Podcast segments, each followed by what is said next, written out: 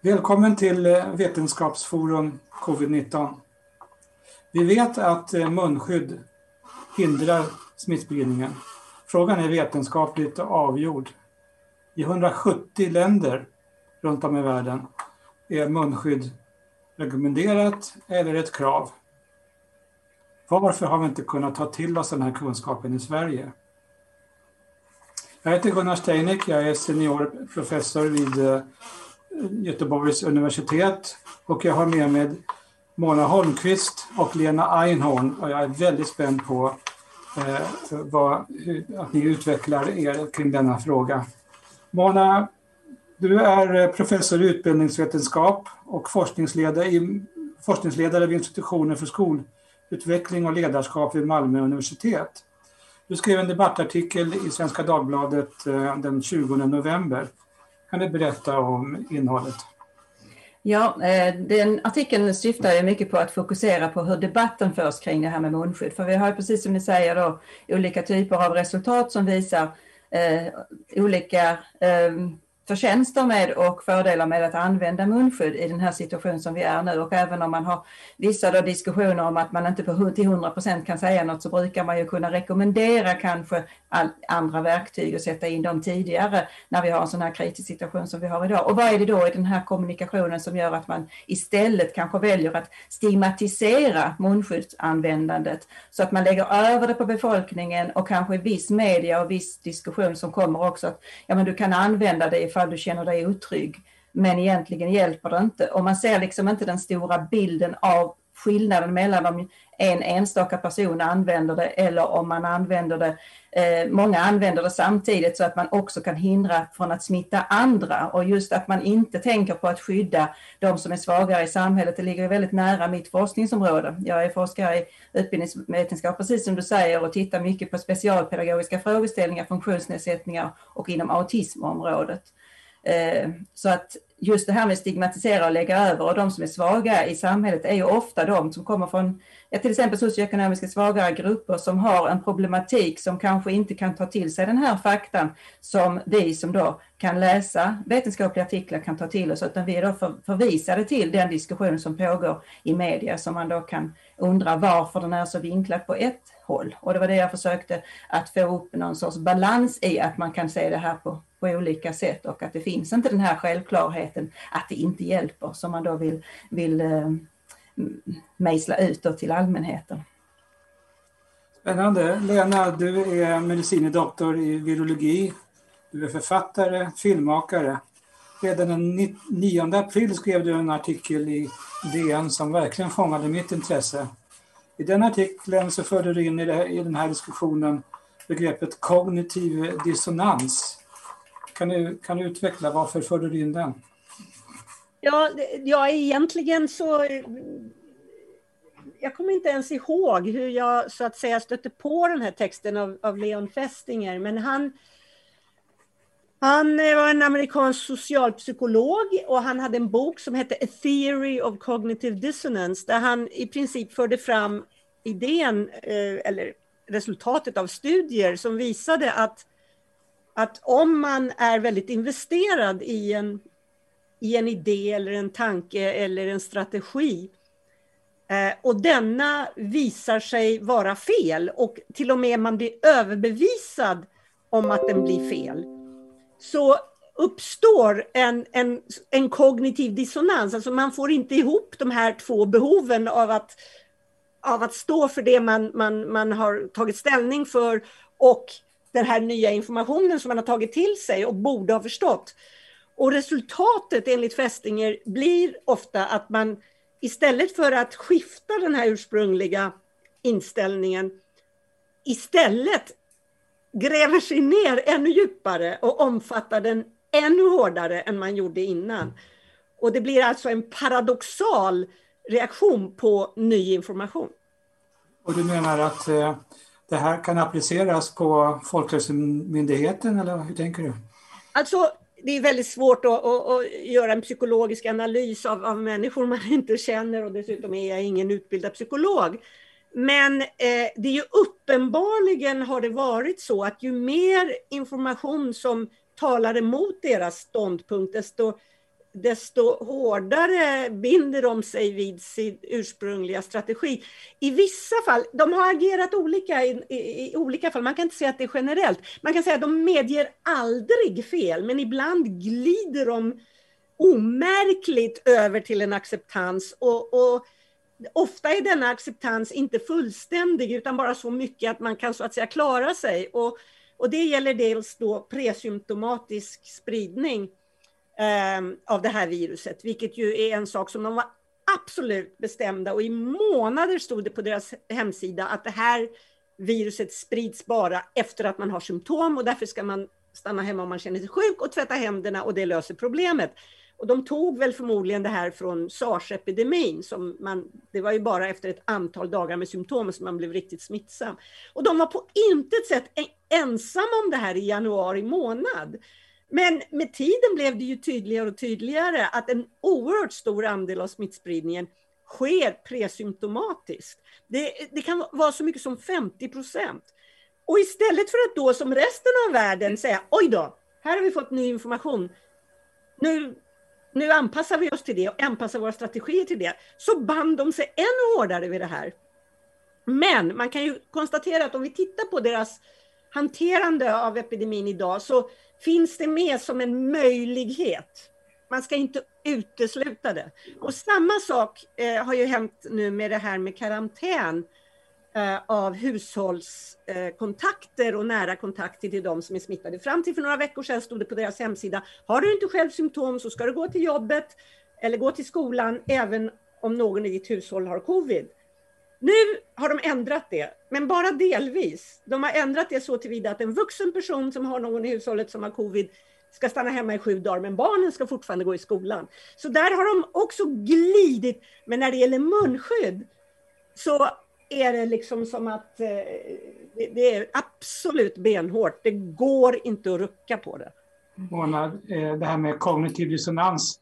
Mm. Du känna igen det från din egen forskning och tycker ja, då, det, Eh, ja, alltså det är precis som Lena säger att man kan ju inte analysera en person som man inte känner om man inte har kontakt med. Men om man tittar på det här, alltså hela det här globala scenariot så är det ju egentligen för en utbildningsvetare väldigt intressant. För det här är en global undervisningssituation. Vi ser då alla världens ledare, de blir helt plötsligt lärare. De blir lärare i en situation där de inte har riktig kunskap och vi inte har utvecklat kunskap. Men de ska ändå undervisa en hel befolkning i sina länder om det här och hur de ska hantera detta. Och då är det precis som Lena säger, man kan ta det utifrån kognitiv dissonans, men man kan också titta på ett, ett eh, begrepp som vi pratar mycket om, transformativt lärande.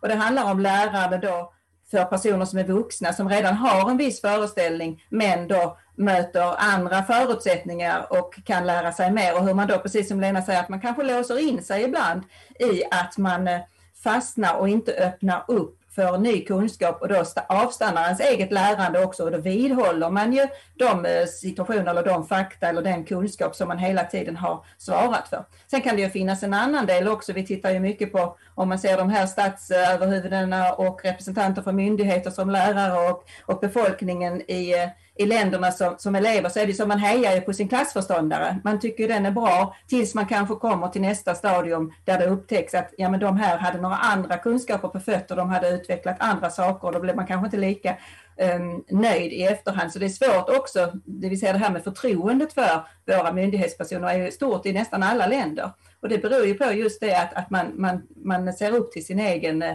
Eh, den som man tror då har auktoriteten och sitter på det. Det som jag tycker i den här debatten då blir problematiskt är att man, man ger sken, de som inte själv kan ta, ta del av de här studierna och fakta som finns, så ger man ett visst sken av hur det förhåller sig med forskningsfronten i den här frågan som kanske inte riktigt stämmer överens när man går in och granskar det på djupet.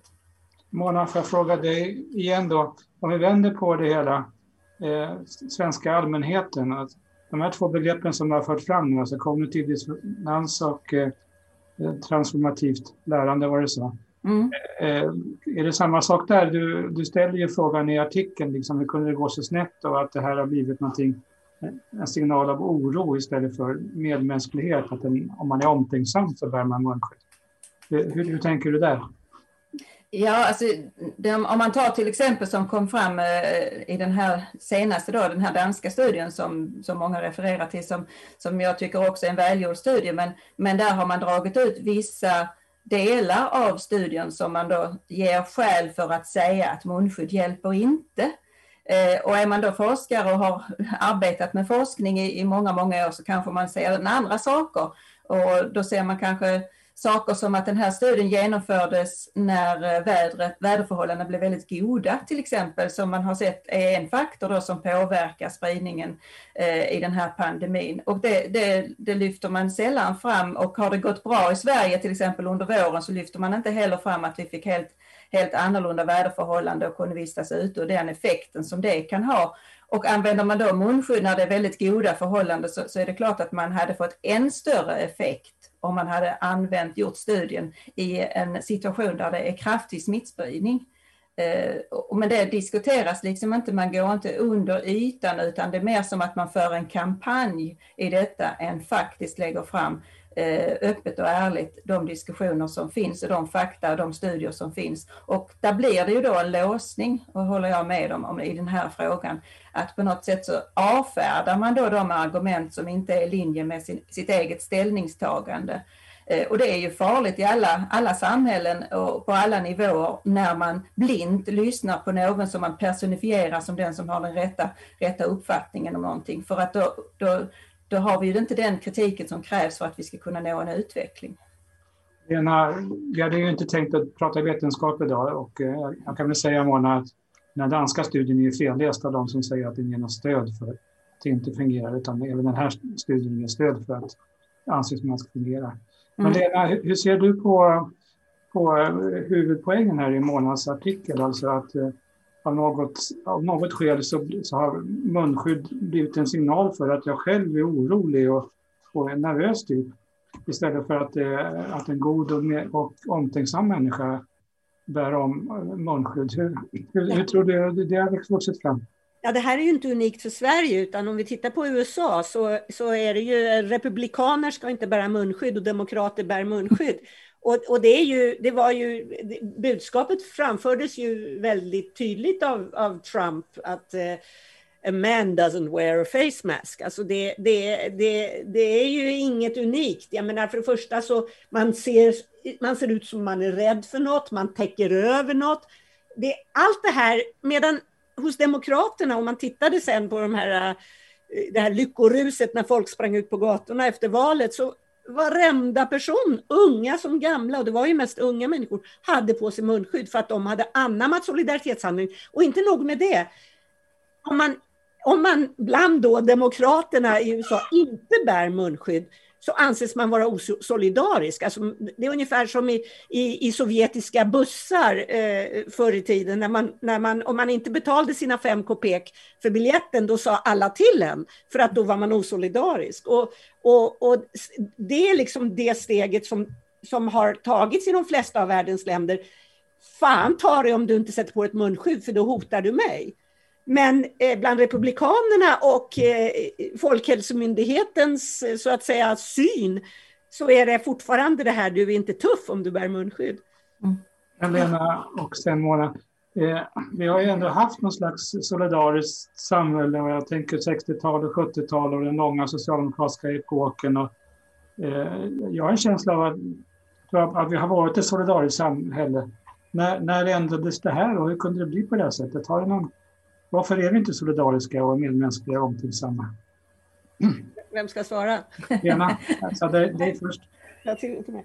Uh, alltså, du vet, det här, man kan inte dela in världen i att Även om även jag är, är vänster och mitten, så man kan inte dela in världen i att vänster är goda och, och, och höger är onda.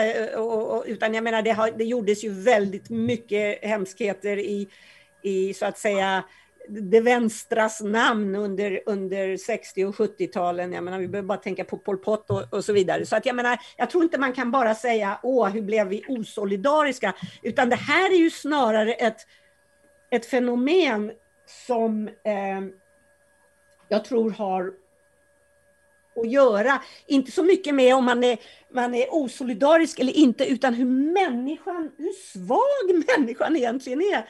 Och hur hon, jag brukar ibland citera en, en, en magiker, en trollkarl som jag såg i ett, ett tv-program för ett antal år sedan, en dokumentär där han fick frågan, hur kommer det sig att, att du kan lura alla så bra? Och då sa han, svarade han, eh, människor eh, tror inte på det som, som deras eh, rationella tänkande säger att de ska tro på. Människor tror på det som de har behov av att tro på.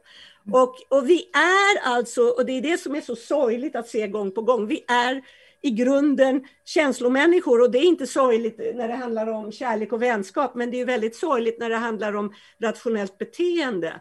Vi är känslomänniskor ut i fingerspetsarna och det gäller även forskare. Mona, du nämner i din artikel att vi är, det är väldigt många som är självförverkligande. Du, du, du citerade en, en eh, internationell undersökning. Kan du utveckla det och, i, i den här kontexten?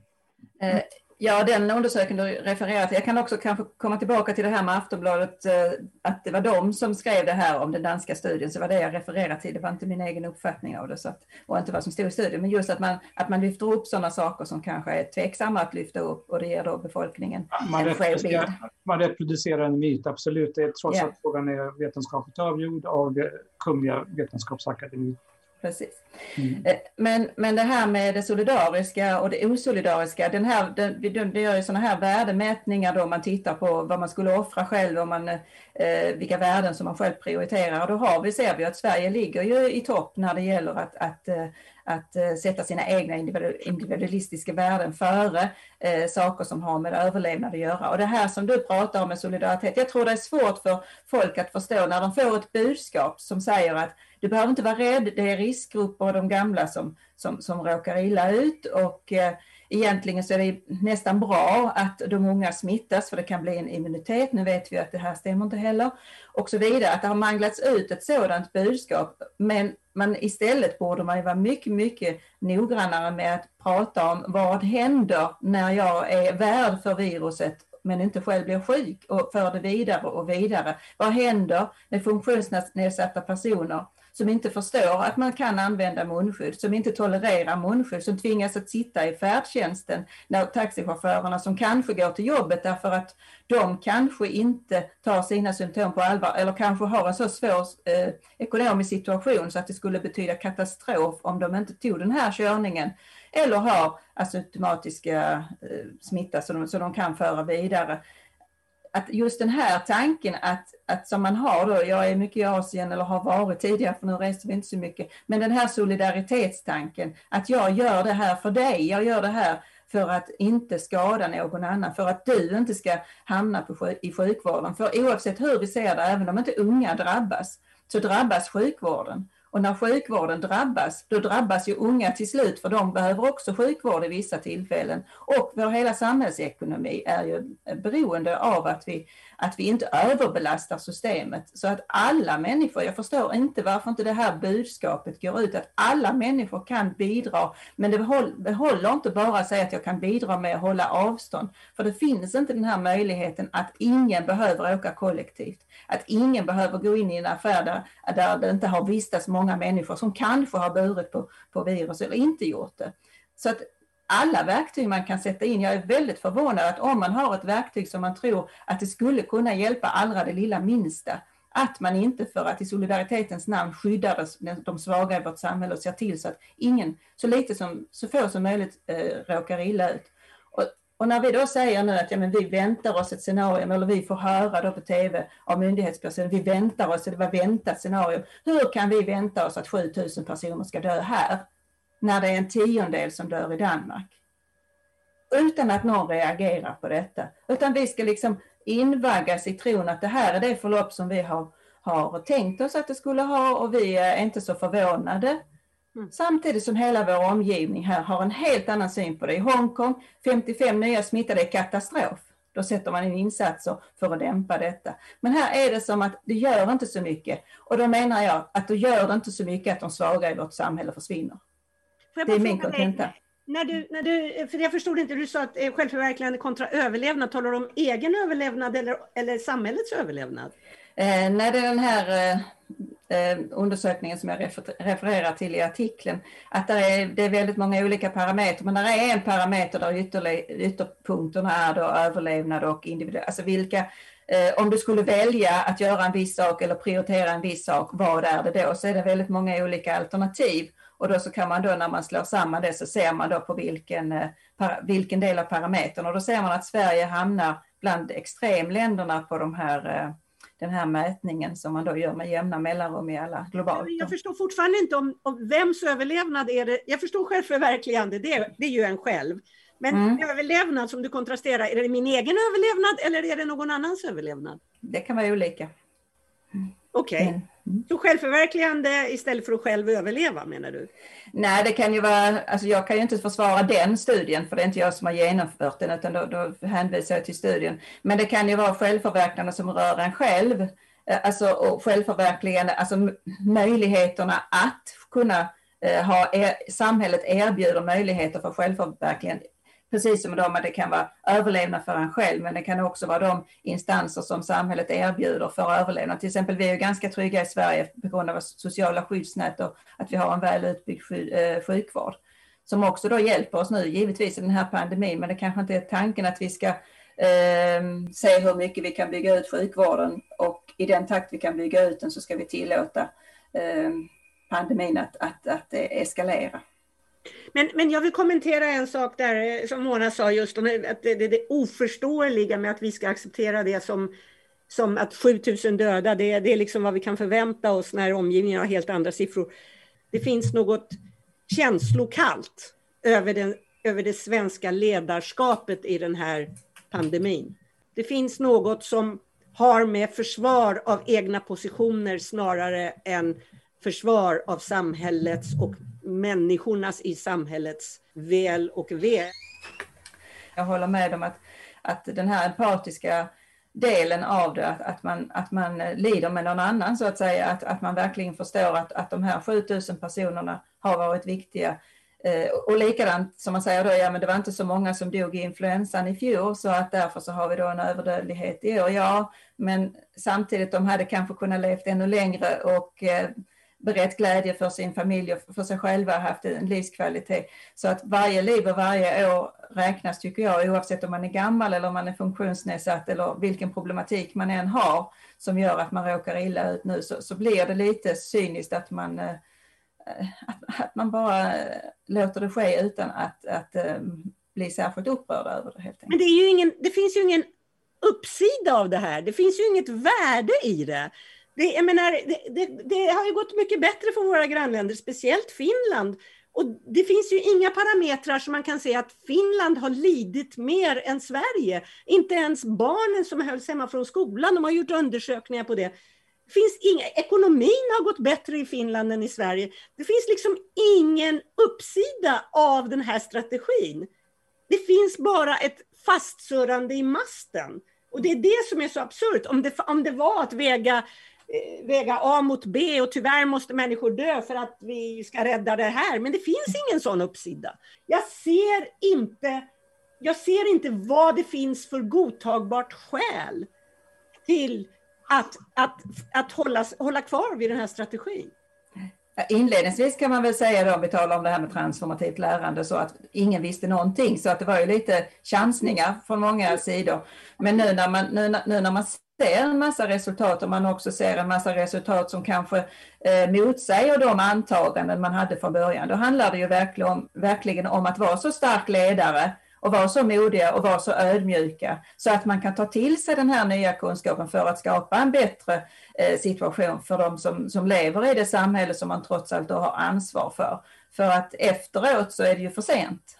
Det är ju nu som man skulle kunna agera och sätta in alla de insatser som, som vi då har till buds som vi kan använda. Och jag tror att det är där någonstans skon klämmer. Förmågan att säga jag trodde på det här, jag har ändrat mig, nu tror jag på det här. Precis som Annika Linde har gjort.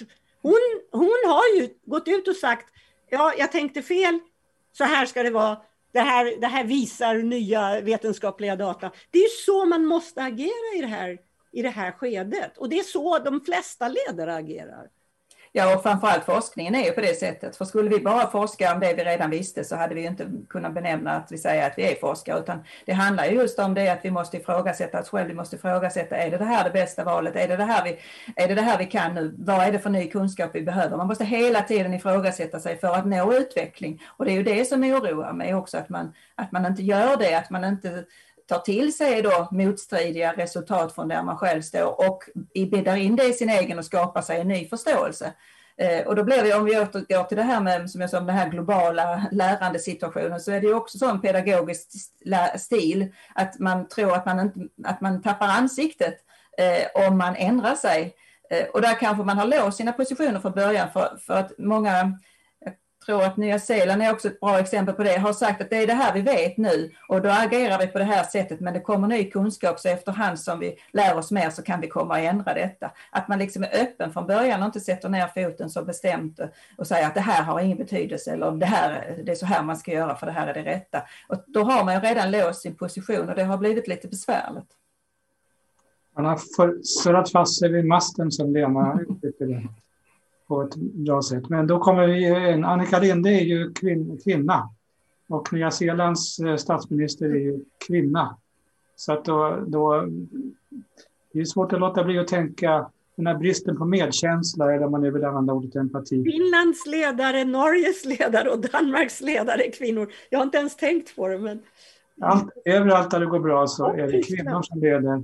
Och eh, finns det alltså den här aspekterna som eh, du har tagit upp, eh, Mona, alltså med att, det, man inte ska eh, möta viruset med blottat bröst utan istället eh, tänka, tänka på att vara en god människa, medmänsklig, bära munskydd. Finns det en kvinnligt manligt i det här som har att göra med att vi inte har en kvinnlig statsminister och inte har en kvinnlig statsepidemiolog? Det är möjligt, det har ju spekulerats i det, men det är ju ingenting vi kan säga heller huruvida det är så. Men, men det man kan förvåna sig kanske över här i Sverige, det är ju att vi är ju en av de få länder som trots vår jämställdhet så har vi ju aldrig haft någon kvinna i ledande position och eh, vi har fortfarande inom akademin framförallt också många kvinnor som disputerar och går forskarutbildning men vi landar ändå i att det främst är män som, som hamnar på professorsposterna.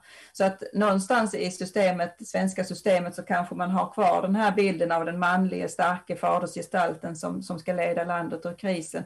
Och vi har kanske trots vår jämställdhet inte, inte värnat om de mjuka värdena på samma sätt, vilket ju är väldigt tråkigt i så fall. Eh, jag tycker ju att det skulle inte vara något problem. Vi har ju sett manliga ledare på, i andra länder som har haft värderingar som har varit väldigt omsorgstagande av, om samhället också. Så att det borde ju kunna vara eh, likvärdigt om man säger så, oavsett om man är man eller kvinna, att kunna skydda de som är svaga. Men, jag, eh, jag, måste ju säga att jag, jag upplever ju inte att Stefan Löfven Eh, eh, representerar den store, starke, rigide mannen i det här sammanhanget, utan Stefan Löfven tyvärr representerar eh, mannen som har stuckit upp fingret i luften och känt vad vinden... Alltså, jag måste säga att jag tror, och nu sticker jag ut hakan igen, men jag tror att om Göran Persson hade varit statsminister så hade, inte, så hade det inte sett ut som det gör nu i, i Sverige. För det kräv, vad som krävdes var en motkraft till till det här djupt dysfunktionella som, eh, som har skett eh, på, eh, på och från Folkhälsomyndigheten. Och det stora tragedin är att vi inte har haft den motkraften. Vi, utan, utan regeringen har helt och hållet gått i Folkhälsomyndighetens ledband. Och jag måste ju säga, jag hade önskat att vi hade haft en starkare statsminister snarare. Mm. Ja, jag kan väl hålla med dig i det, men det, det, verkar ju som att de försöker ta, ta tillbaka lite av den här beslutsrätten och, och, makten över situationen. Sen är det ju inte lätt heller som statsminister, man kan ju inte begära att han ska ha den kompetens som, som, som eh, krävs i den här, den här frågan. Men då kunde man ju kanske också haft en större grupp kring sig så att eh, vad ska man säga, signalerna man får och eh, råden man får kanske har en, en bredare Eh, grupp eh, experter bakom sig så att det inte blir så kopplat till enskilda personer som då har suttit väldigt länge på sina poster och kanske inte heller kommunicerar så, så mycket med eh, forskare inom medicin till exempel som de nu borde göra. Saken att, att flera av oss i den här gruppen, vi, vi var ju 22 som skrev på den här artikeln den 14 april och sen har vi blivit fler och fler. Flera har ju försökt att ta kontakt under månad, de, de månader som gått med regeringsrepresentanter och det har varit, det har varit praktiskt taget helt omöjligt. Det går inte att komma fram helt enkelt. Så att det, de har befunnit sig i en bubbla. Mm. Och det är alltid farligt. För all kunskapsutveckling så är det jättefarligt att stänga in sig i en bubbla och inte ta emot alla argument, argument som finns och samla dem och av dessa bilda sig en, en klok en uppfattning och ett klokt beslut som grundar sig på en bredare syn än kanske enskilda eh, personer som sitter i samma kontext, det vill säga en myndighet. Man får ju en viss, eh, eh vad ska man säga, unison Eh, förståelse för, för eh, vissa, vissa saker. Och när man då har varit en myndighet som kanske har sett likadan ut kanske i decennier så har ju de personerna mer eller mindre delar de ju uppfattningar kanske om det som händer och då blir de ju inte någon kritisk massa. Och just den här kritiska massan är ju extremt viktig att man får till i sådana här lägen som är krisartade där det inte finns någon kunskap och, och, där det då blir felaktigt när folk går ut och talar som om det finns en säker kunskap om situationer eller, eller studier som, som, som det inte finns någon säker kunskap kring. Eh, jag kan inte låta bli att nämna Lena, när du säger Göran Persson så tänker jag vad, vad hade hänt om Anna Lind hade levt och suttit mm. i ledarskapet i den här. Hon, eh, ja. Eh, ja, vill ni göra några slutord? Mona? Ja, vad ska man säga? Det, det jag hoppas det är ju verkligen att det som de säger ska hända, det vill säga att man lutar sig mot, mot vetenskapen i Sverige, att vi utmärker oss på grund av detta. Det hoppas jag att vi verkligen ska göra det i framtiden. Och då inte bara viss vetenskap och inte bara en viss tolkning av vetenskap, utan att man får en bredare grund för hur man tar eh, till sig den här vetenskapliga kompetensen som finns nu när det gäller den här frågan. Lena? Ja, nej, det är ju bara, vi har ju, jag och människor runt mig har ju bara väntat ända sedan eh, våren på att sans och vett ska komma in i, i, och det är klart att det, det har ju, vissa positiva saker har ju hänt nu, men det är ju alldeles för lite och alldeles för sent. Och det är hela tiden så, så springer man efter vagnen istället för tvärtom. Så att man får ju verkligen jag tror ändå att insikten har kommit om att någonting, alltså på högsta ort, att någonting har varit galet i den svenska strategin. Jag tror ändå att insikten har börjat sjunka in och frågan är bara om man vågar och kan agera utifrån den. Om du som läsare, du som tittare har uppskattat det här så får du gärna bli stödmedlem till Vetenskapsforum Covid-19. Du hittar uppgifterna på vår webbplats.